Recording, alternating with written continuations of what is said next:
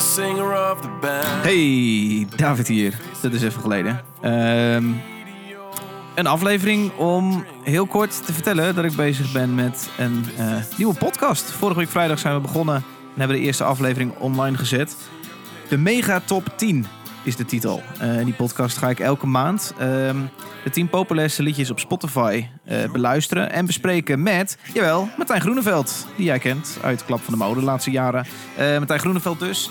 En ehm, het leek ons tof om een derde persoon erbij te vragen. Wie vonden wij de leukste gast de afgelopen jaren? Eigenlijk kwamen we al vrij snel op de naam van Jamai. Die hebben gevraagd. Die vonden het een tof idee. Dus samen met Jamai bespreken wij vanaf nu elke maand eh, de 10 populairste liedjes op Spotify. En dat is heel anders dan Klap van de Molen. Eh, het zijn namelijk eh, heel vaak liedjes die we niet zelf zouden uitkiezen.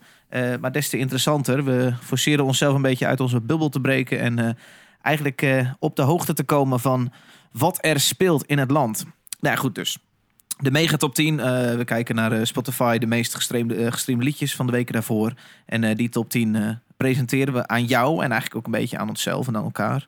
Eh, de mega top 10. Wat kan ik er nog meer over zeggen? Ik hoop dat het goed met je gaat. Eh, verder de klap van de molen hoef je niks meer te verwachten. Alleen eh, af en toe wat ik zei, een update van wat ik aan het doen ben. En eh, deze wilde ik je niet onthouden. De mega top 10. Eh, zoek hem op op Spotify, iTunes, Pocketcasts. Overal waar je een podcast kan vinden. De mega top 10. Eh, ik zie je daar en veel plezier met de allereerste aflevering daarvan. eh, de, de juni-editie, de juni-aflevering. Joe.